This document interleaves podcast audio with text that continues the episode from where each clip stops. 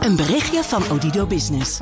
Hoe groot je bedrijf ook is of wordt, bij Odido Business zijn we er voor je. Met unlimited data en bellen en met supersnel en stabiel zakelijk internet. Ook via glasvezel. Ontdek wat er allemaal kan op odido.nl/slash business.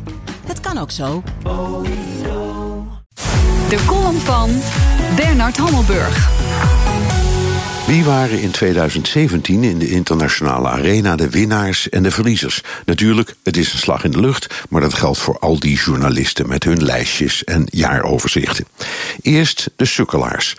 Op één Theresa May, die gokte op verkiezingswinst, maar verloor. Ze kijkt voortdurend als een getergde schooljuf die sommetjes op het schoolbord schrijft, maar zelf niet kan rekenen. Afgelopen week maakte een Poolse tolk een grappige Freudiaanse verspreking door haar tijdens een bezoek aan Warschau mevrouw Brexit te noemen in plaats van mevrouw May. Ze wordt platgewalst tussen potsierlijke populisten in haar eigen partij en een spijkerharde Europese Unie. Haar onvermijdelijke afscheid zal voor iedereen haarzelf in kluis een opluchting zijn. Verliezer 2, Angela Merkel. Zwaar gehavend door de arrogantie van de macht. Ook zij rekende op stevige verkiezingswinst, maar verloor en moet nu de vernedering ondergaan van onderhandelen met de Sociaaldemocraten, die nog veel harder onderuit gingen, maar uiteindelijk de troefkaarten in handen hebben. Dan de toppers. Ik zie er drie. Bashar al-Assad, de Syrische president, scoort hoog. Van de westerse wereld moest en zou hij verdwijnen, maar Rusland en Iran sneden de Amerikanen en Europeanen feilloos de pas af.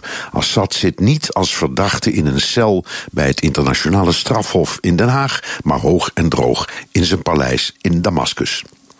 Winnaar 2, Donald Trump lastige keuze, want op Guatemala, Honduras, Israël, de Marshall-eilanden, Micronesië, Nauru, Palau en Togo na is zo ongeveer elk land in de wereld nijdig op de Amerikaanse president. Maar ook dat is een prestatie en je kunt hem moeilijk ontzeggen dat hij de wereld totaal op zijn kop zet.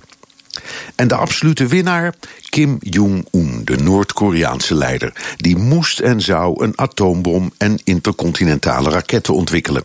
Hij is daarmee het enige staatshoofd dat erin is geslaagd letterlijk de hele wereld tegen zich in het harnas te jagen. En hij trekt zich er helemaal niets van aan. Hij wilde een bom en hij heeft een bom. Als er een Nobelprijs voor de oorlog komt, dan gaat die naar de grote leider Kim Jong-un. Een berichtje van Odido Business. Hoe groot je bedrijf ook is of wordt, bij Odido Business zijn we er voor je. Met unlimited data en bellen en met supersnel en stabiel zakelijk internet. Ook via glasvezel.